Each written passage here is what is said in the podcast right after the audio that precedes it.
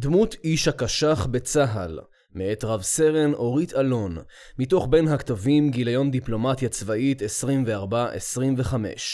מבוא במאמר שלפניכם אטען כי צה"ל עבר דרך ארוכה בדרך להפיכת הדיפלומטיה הצבאית למקצוע ולשיפור באופן הכשרת אנשיו העוסקים במלאכה.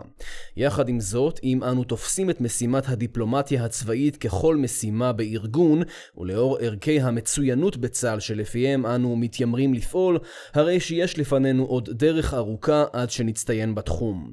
מטרות הדיפלומטיה הצבאית הן מגוונות וכוללות את מניעת העימות הבא, או לכל הפחות דחייתו, רכישה ושימור לגיטימציה להפעלת כוח, ייצוא אמל"ח ישראלי ושיפור תדמיתה של ישראל בעולם. כלי ההשפעה מגוונים ומשתרעים מפעולה ישירה, אינטימית ולעיתים מסווגת למול קולגות בצבאות זרים ועד ראיונות לכלי תקשורת ברחבי העולם ועיסוק בדעת הקהל הציבורית במדינות השונות. אין ספק שלמול מגוון כזה של משימות ואתגרים נדרש צה"ל להעמיד כוח אדם איכותי ומקצועי כדי לאפשר את מימוש האינטרסים של מדינת ישראל בדגש על יכולת פעולה בסביבה דינמית וזרה. כוח אדם שאיננו מוכשר מוכשר ומקצועי דיו, עשוי לגרום בתום לב לתקריות דיפלומטיות ולמשברים במסגרת היחסים של ישראל ושותפותיה בעולם. מאמר זה יעסוק בכוח האדם העוסק בדיפלומטיה צבאית בצה"ל, במאפייני הקצינים והמש"קים העוסקים במלאכה, ובכללם הנספחים הצבאיים.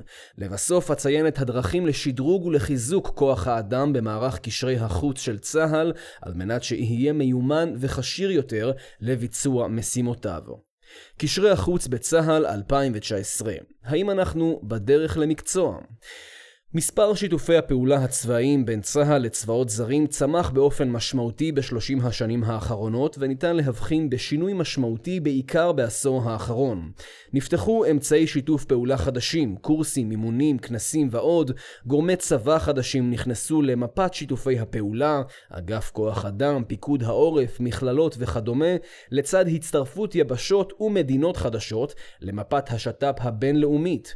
עם השינוי הגובר והצורך לקיים את קשרי החוץ הצבאיים, ניתן להבחין בגידול לכאורה של בניין הכוח הצבאי לתחום הדיפלומטיה. כך למשל, הקמת מערך קשרי החוץ באגף התכנון כחזה האמון על כלל העשייה ועל גורמי הקש"ח בצה"ל מבחינה מקצועית. כיום לכל זרוע יש יחידה האחראית לקש"ח. תפקיד הגוף בעיקרו הוא לשרת את האינטרסים של הזרוע בהיבטי שת"פ צבאי, בהתאם למדיניות המטכ"ל, משרד הביטחון ומשרד החוץ. תוכנית העבודה של בכירי צה"ל כוללת באופן מתוכנן מפגשים בארץ או בחו"ל, על פי חלוקה הגיונית, סדר ואינטרסים הדדיים. ניתן להבין שכל גידול בשת"פ גורר לרוב גידול בשת"פ בכירים, אימונים ועוד. אך על אף האמור לעיל, לצד גידול מינורי בתקני קשרי החוץ בחלק מזרועות המערך, אנו עדים לקיצוץ תקנים משמעותיים בליבת המערך המטכ"לי בשנים האחרונות, כך שלא ניכר שתחום קשרי החוץ ומקצועיותו תופס מקום כלשהו בתעדוף המשאבים הצה"ליים. השת"פ הצבאי נחלק באופן גס למפגשים המובלים על ידי מפקדים בכירים ולמפגשים המובלים בדרגי עבודה, אימונים וקורסים. ניכר שרוב המפקדים הבכירים מכירים בפוטנציאל הגלום בכלי הדיפלומטיה הצבאית ונרתמים באופן יחסי להשקעה בנושא. כאשר מפקד מוביל או משתתף במפגש דיפלומטיה צבאי, הוא יצפה להכנה ולליווי מקצועי מקצין הקש"ח שלו. היכרות תרבותית מקיפה, כללי עשה ואל תעשה, כיצד מתגברים על מכשולי השפה, מנטליות, נושאי שיחה שהם טאבו, היסטוריית השת"פ המדיני והצבאי, אינטרסים הדדיים, חוזקות וחולשות של השותף, מקרים ותגובות וכולי. לפיכך היכולת של אנשי הקש"ח לעצב בצורה נכונה את המפגש ולהקנות למפקד הבנה רחבה על המדינה שעימה הוא עובד היא קריטית ככל שהמומחיות הזאת רלוונטית למופעים בודדים, קבלת פנים או טקס, היא חשובה כפליים בתהליכים ארוכים ומתמשכים למול השותף למשל בעולמות בניין הכוח. תכונה נוספת המאפיינת את עולם הקש"ח היא הקושי במדידת הצלחה. עובדה זאת הופכת את העשייה לקשה ובלתי מתגמלת וכמובן מנוגדת לקצב לקצב ולטמפרמנט הישראלי. עם זאת, לכל מדינה יש קצב משלה, כולל שונות משמעותית בתוך היבשות, לקידום התהליכים. יש מי שידרשו תהליך של שנים לעצם בניית מערך של קשרי אמון, ויש מי שידלגו בזריזות לשלב הפעילות המשותפת. לפיכך, העוסקים בדיפלומטיה הצבאית ראוי שיתחמשו באורך רוח, בסובלנות וביכולת ראייה לטווח רחוק שאינם מאפיינים את כל ציבור לובשי המדים. קצב איטי נתפס לרוב כהססנות או כחוסר רצון לקידום תהליכים על ידי הגורמים הישראליים, ועל גורמי הקשח להבין את משמעויות הקצב השונה בכל מדינה על מנת לדברר מסרים כהלכה וכדי להימנע ממסקנות שגויות. אנשי הקשח, הכשרות ומה שביניהן. כאשר נבחן היום את אנשי הקשח בצה"ל, נמצא שרוב הקצינים הבכירים, רב סרן ומעלה, לא עברו בעצמם הכשרות של קשרי חוץ, קורס מש"קים או השלמת קשח. הקצינים הזוטרים יותר, וכמובן מש"קי המערך, סרן ומטה, כבר רובם בוגרי ההכשרות של השנים האחרונות של מערך קשרי החוץ. חלק קטן מהקצונה הזוטרה מובנה מקצינים אקדמיים שסיימו תואר ראשון בתחומי מדעי החברה והמדינה, רוב הקצונה מתבססת על מי שביצעו תפקידים כמש"קי קישור לכוחות הזרים. מרבית העבודה השוטפת במערך הקש"ח מתבצעת באמצעות מש"קי קישור לכוחות הזרים. מדובר בחיילים בני 18 שעברו הכשרה בסיסית שנמשכת ארבעה שבועות, ולאחר מכן חפיפה תוך כדי הכניסה לתפקיד שאליו הם מיועדים. מדובר אמנם באוכלוסייה איכותית ביותר, אך היא מורכבת ברובה מעולים חדשים המגיעים מרחבי תבל. המשקים באים במגע עם נספחים זרים המוצבים בארץ, לרוב בדרג אלוף משנה, אך חלקם בכירים יותר, ומלווים את הנספחים לפעילויות השונות, מפגישה ועד כנס או ביקור שנמשך ימים ספורים. היתרון לכאורה של הבנת העולם והמנטליות הבינלאומית מתגמד אל מול הפער המשמעותי של העולים החדשים מבחינת השפה העברית. פער זה מקשה ביותר על התמקצעותם, במיוחד בתפקידים הדורשים כתיבה מרובה תוך יכולת ניסוח ברמה גבוהה. גם כאשר מש"קים כאלה הופכים לקצונה, הם גוררים עמם את הפער הנ"ל, מה שהופך את מפקדיהם, הרמ"דים והרע"נים, לצוואר בקבוק בעבודה השוטפת. מסלולי ההכשרה לקש"ח הקיימים כיום בכלל הדרגים כוללים אמנם את שני המרכיבים הבסיסיים של המקצוע, תשתית תפיסתית של התחום ומרכיבים פרקטיים ביצועים שונים, אך מפאת קוצר הזמן, נע בין ארבעה שבועות למש"קים ועד שישה שבועות לנספחים, ואף ידע המפקדים, קצינים צעירים בעצמם, הם עדיין חסרים ומבטאים מציעים בעיניי תפיסה שגויה שהקשח הוא איננו מקצוע שנדרש להתמחות בו. בהשוואה למערכי קשח בשאר העולם, זוהי אוכלוסייה צעירה ביותר. גם בצבאות שבהם אנו מוצאים מולנו נגדים, הרי שהם מבוגרים יותר ומקצועיים ביותר. הקצינים הזרים מקבלים את שותפי העבודה הצעירים שלהם, ולו רק מפאת העובדה שלא קיימת להם ברירה אחרת, אך רצוי שהמש"קים יפגינו מקצועיות וסקרנות כדי לגשר על פערי הגיל והידע.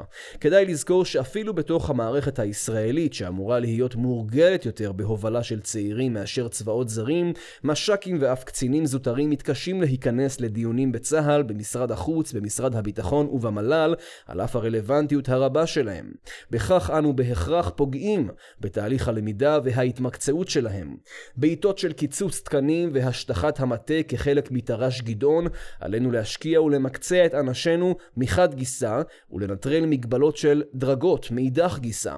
רגישות, אינטליגנציה וניסיון חיים הינם מרכיבים קריטיים בשיח עם שותף זר. המציאות מוכיחה לנו בהקשר אוכלוסיית המש"קים, שבמקרה הטוב מדובר על חייל שהשתתף בעבר בפעילויות עם זרים או ראה עולם, ובמקרה הפחות טוב נמצא עצמנו מנסים להכשיר חיילים שאפילו לא יודעים כיצד פונים לקצין זר. ההתנהלות הפתוחה המאפיינת את התרבות הישראלית במקרה זה עומדת לנו לרועץ. אני סבורה כי מעבר לאוכלוסיית המש"קים, גם קצינים בתפקידם הראשון יהיו בדרך כלל חסרי ניסיון מספק וידרשו לליווי ולתמיכה רציפה. לדוגמה, זאת תהיה שגיאה לאפשר להם לקיים פגישות לבדם, אלא אם מדובר רק על קבלת או העברת מסרים שנקבעו מראש, ללא צורך במענה בזמן אמת לסוגיות חדשות שעולות על הפרק. זאת כיוון שבפגישות עם גורמים זרים, עלינו לעמוד על המשמר, לבל ידלו מאיתנו מידע מסווג לא רלוונטי לנושא הפגישה, או שינסו להשוות בין התשובות שלנו לאלו של גורמים אחרים בצבא. קצין בתפקידו השני מיומן יותר, בהנחה שביצע את רוב תפקידיו עד כה באותו התחום במסגרת מערך הקש"ח. לצערי, קיים היום מחסור בכוח אדם מיומן בתפקיד קצונה שני. מעבר לכך, אנו יכולים לספור על כף יד אחת את כמות הקצינים ברמת הקצונה הבכירה, רב סרן ומעלה, במערך הקש"ח שאוחזים במקצוע מעל עשור, ובוודאי כאלו שחוו את מגוון התפקידים ממש"ק ועד קצין בכיר. איש הקש"ח המצטיין יהווה מוקד ידע ויאפשר למפקדיו לנוע בבטחה בגזרת עולם הדיפלומטיה הצבאית, מהסבר על מנטליות השותף ועד רעיונות לקידום שת"פ צבאי. בכל מפגש נדרש מקצין הקש"ח להמליץ על פי האינטרסים המשותפים והיעדים על מגוון משתנים. הרכב המשתתפים בפאנל המקצועי ותוכן הסקירות, גם של האורחים, הרכב המשתתפים בארוחות בביקור ועד המלצה מדויקת לתשורה ספציפית שמתאימה לאורח עם הקדשה רלוונטית שתואמת את המעמד ואת הצורך. לדוגמה, רק בתחום ההגה המקצועית ומבני הצבא השונים ניתן לכתוב מאמרים שלמים. מהו ההבדל בין מינץ, MOM ו-MOU, מה בין Staff Talks ל-Expert Talks, ומדוע יש בצבא זה או אחר אזרחים שעובדים מולנו, שמקבילים לקציני צבא ובעלי אותן הסמכויות, ומה עושים עם כל הפרשי הכוכבים בינינו לבין השותפים. קצין קשח טוב יהיה איש ביצוע, יוזם ויצירתי, גם בעצם הגיית מפגשים ייחודיים המשרתים את מטרת הצבא. בשנים האחרונות למשל הונהג נוהל יום ספורט למערך הקשח, שבו משתתפים כלל הנספחים הזרים המשרתים בישראל, ובשיתוף נציגים מכוחות שמירת השלום בגבולות.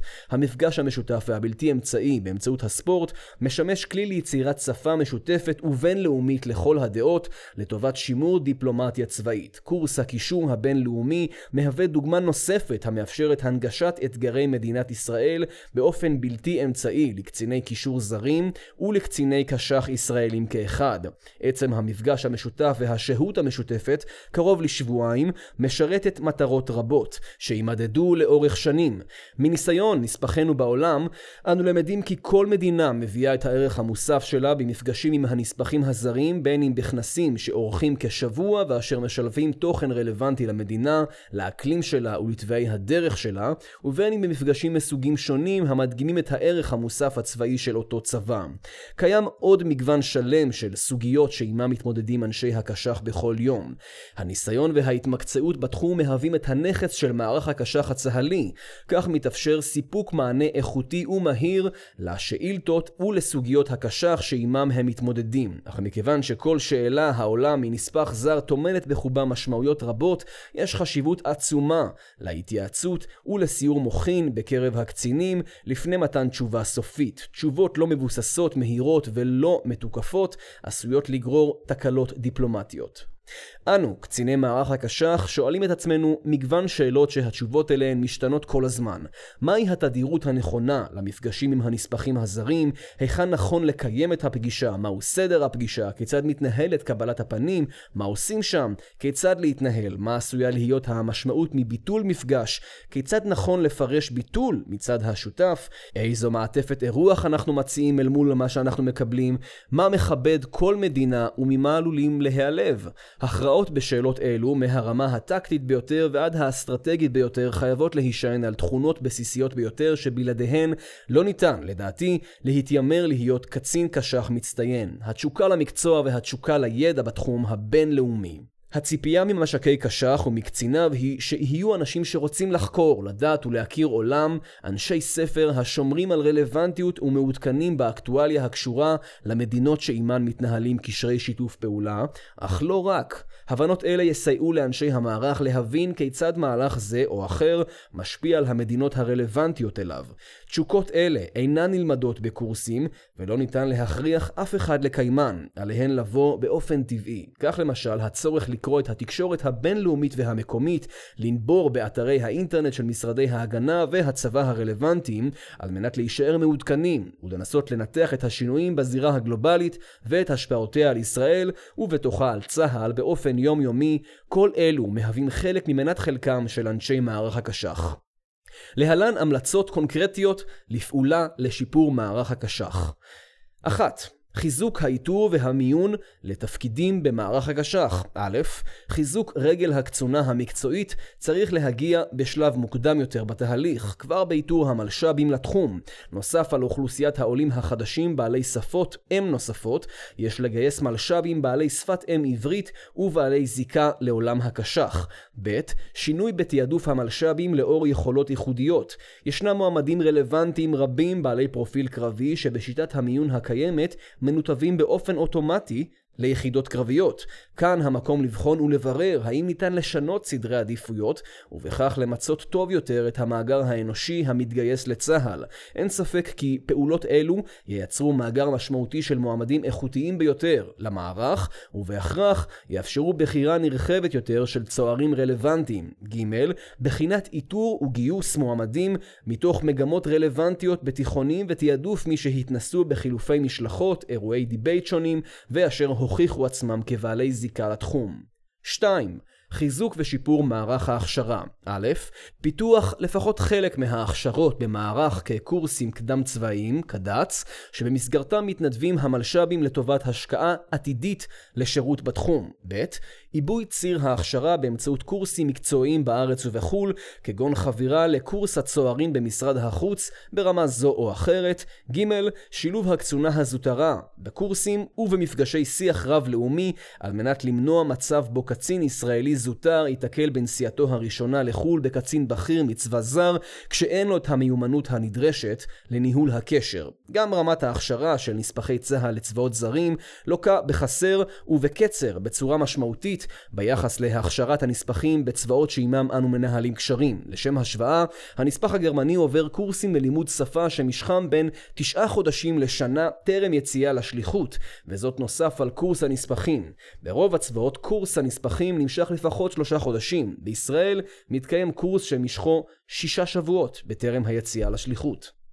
דמות הנספח הצבאי סוגיית נספחי ההגנה מצריכה בעיניי העמקה יהודית במאמר זה, שכן הם מהווים את חוד החנית של צה"ל ברחבי התפוצות, וצה"ל נסמך עליהם כמובן בשגרה ובחירום.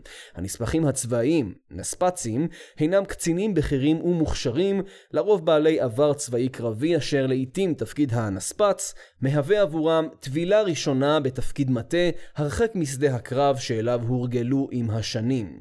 בבסיס האיוש הנ"ל ישנו רעיון ניסיון כפול, גם שימוש בקצין מיומן בעל ידע מבצעי שמהווה לאור ניסיונו הקרבי נכס צה"לי משמעותי בחו"ל, ולרוב יהווה אטרקציה בקרב קהילת הנספחים בשל כך, וגם הזדמנות להודות בדרך ייחודית לקצין ותיק שהשקיע עשורים מחייו לטובת המדינה באופן טוטאלי, וכידוע, לצבא אין אפשרויות רבות להוקרה מסוג זה. מי יתפקד טוב יותר כנספח צבאי? קצין שהתמחה בתחום הקש"ח, או הקצין שחווה ושפיקד על הפעילות המבצעית בשדה? קשה לקבוע כיוון שהנושא לא נחקר, ובאופן טבעי גם קשה למדידה. ברור כי כל רקע צבאי מעניק לנספח ערך מוסף כזה או אחר. יחד עם זאת, אני סבורה כי יש חשיבות לפתח כיום גם נספחים שיגדלו, ולכל הפחות יבצעו תפקיד במערך הקש"ח כחלק מובנה מהכשרתם המקצועית, לפני שהם מקבלים את המינוי לתפקיד הנספח. בג"ץ. בכך יבוא לידי ביטוי הניסיון שצברו הן בערוץ הקש"חי והן בערוץ הקרבי, כך גם תספיק תקופה יחסית קצרה ביותר להכשרתם.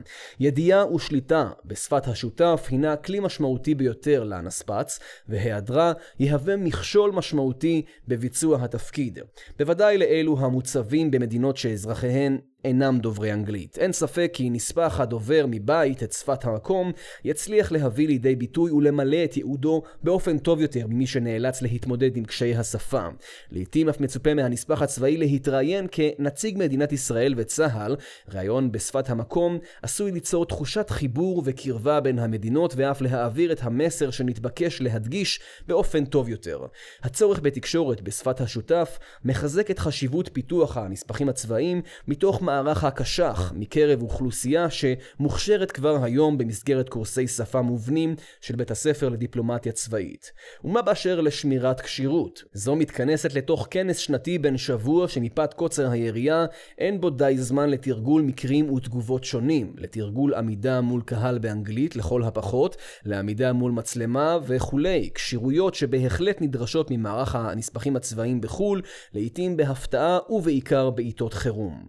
הצעותיי לשיפור התמקצעות מערך הנספחים נחלקות באופן הבא א', שינוי התפיסה, אפילו עד כדי שינוי שיטת האיוש לבכירים שנבחרים לתפקיד נספח, קרי תכנון קדימה של שני תפקידים, כך שפרק ההכשרה למקצוע, הדיפלומטיה הצבאית, יהיה משמעותי יותר באיכותו בהמשך, ויוכל להתחיל תוך כדי תפקיד, בין אם כנעט שמוביל ביקורי זרים ביחידה שלו, ואף בחיבור לעשייה צבאית ביטחונית באופן כללי מול המדינה במשך שנתיים-שלוש לפני הכניסה לתפקיד. הייתי בוחנת כבר במסגרת במסגרת פום מי הם הקצינים הרלוונטיים שניתן לזהות כמתאימים פוטנציאלית לתחום ומכוונת להכשרתם בהתאם. ב. חלוקת המדינות לכאלו שקיים בהם יתרון מובהק לנספח הצבאי שמגיע מהשטח, דגש למדינות שעימן קיים שיתוף פעולה ותרגילים שנתיים, למדינות שקיים דווקא יתרון בנספח הצבאי שבקיא יותר בעולם הדיפלומטיה הצבאית. ג. תגבור קורסי שפה, בכך יתאפשר לקציני המערך לעבור מתפקיד לתפקיד ביתר קלות ולחוש בנוח יותר עם כלל האוכלוסיות שעימן הם באים במגע, לאחר שצברו קציני המערך הבכירים, רס"נים, סא"לים, ותק ומקצועיות של לפחות עשור בתחום, יש בהחלט מקום ליהנות מפירות הידע המקצועי ולהשתמש בו לטובת המערכת בתפקידי נספח בחו"ל, נספח לא תושב, ובהינתן תגבור קורסי שפות, סבירות גבוהה שיגיעו לתפקיד שבאמתחתם יכולת שפתית מוכחת, ובכך יקלו על המפקדים בהתאמת חימוש למטרה בדיוני שיבוצים. ד. בניית מסלול בעל אופק קידום במערך הקש"ח, שיאפשר התמודדות על תפקיד נספח צבאי, זאת מתוך הבנה עמוקה שמערך שאינו מספק לאנשיו אופציות קידום מספקות, יהיה לעולם מוגבל ביכולתו להשאיר אנשים מקצועיים ושאפתנים בין שורותיו. סיכום תר"ש גדעון ואסטרטגיית צה"ל 2015 מהווים ציון דרך ביחסם לדיפלומטיה הצבאית. במסמך האסטרטגיה ציין הרמטכ"ל לשעבר, רב אלוף גדי איזנקוט, 36 פעמים את תחום שיתוף הפעולה הצבאי כמרכיב משמעותי באסטרטגיית צה"ל. הדרך למיצוי יכולות הדיפלומטיה הצבאית עודנה ארוכה, ומכיוון שמדובר בתהליך של שנים, אין הדבר יכול להיות תלוי בגישת מפקד זה או אחר. לכן, נדרש לשנות תפיסה באופן מהותי. מהותי, בדגש על גזירת המשמעויות בהיבט המקצועי. כל האמור לעיל כמובן כפוף לאילוצי התקציבים והתקנים בארגון, ולעובדה כי כצבא נדרש צה"ל לתפוקות מבצעיות רבות בקבועי זמן קצרים. יחד עם זאת, אני מקווה שעלה בידי לשכנע כי תחום הקש"ח הינו ייחודי, וכדי שיתאפשר מיצוי למערך, נדרשת השקעה נוספת בקש"ח. נדרש לוודא שבפעם הבאה, כאשר תעלה סוגיית מבנה ומיקום חטיבת קשרי החוץ על הפרק, תתבצע עבודת מטה מעמיקה שכוללת את כלל האספקטים וכלל שותפי התפקיד שיושפעו מכך, בצה"ל ומחוצה לו, על מנת להגיע לתוצאה נכונה ביותר. על אף הביקורת שהובאה במאמר, אדגיש כי במהלך השנים האחרונות קודמו מספר תהליכים משמעותיים בדרך להפיכת הקש"ח למקצוע, חלקם תהליכים שעדיין בהתהוות, הקמת בית הספר לדיפלומטיה צבאית, מיסוד מערך הקש"ח, מאמץ לאיתור מראש של משקי קישור לקוחות הזרים, מיסוד חומרי הסברה צבאיים אסטרטגיים ברמה הגבוהה ביותר, תוך מיסוד שיתוף הפעולה עם דובר צה"ל ועוד. תקוותי שתהליכים אלו, לצד המחשבות הנוספות שהונחו במאמר זה, יהוו קרקע יציבה להפיכת תחום הדיפלומטיה הצבאית למקצועי ולבעל יכולת התמקצעות, בעיקר מתוך הבנה שאנו רחוקים ממיצוי הפוטנציאל הגלום בתחום ביחס למצב הנוכחי, אך גם בהשוואה לצבאות אחרים. יש לנו מה ללמוד מאחרים, אנחנו יודעים איך לעשות זאת, נותר רק ליישם.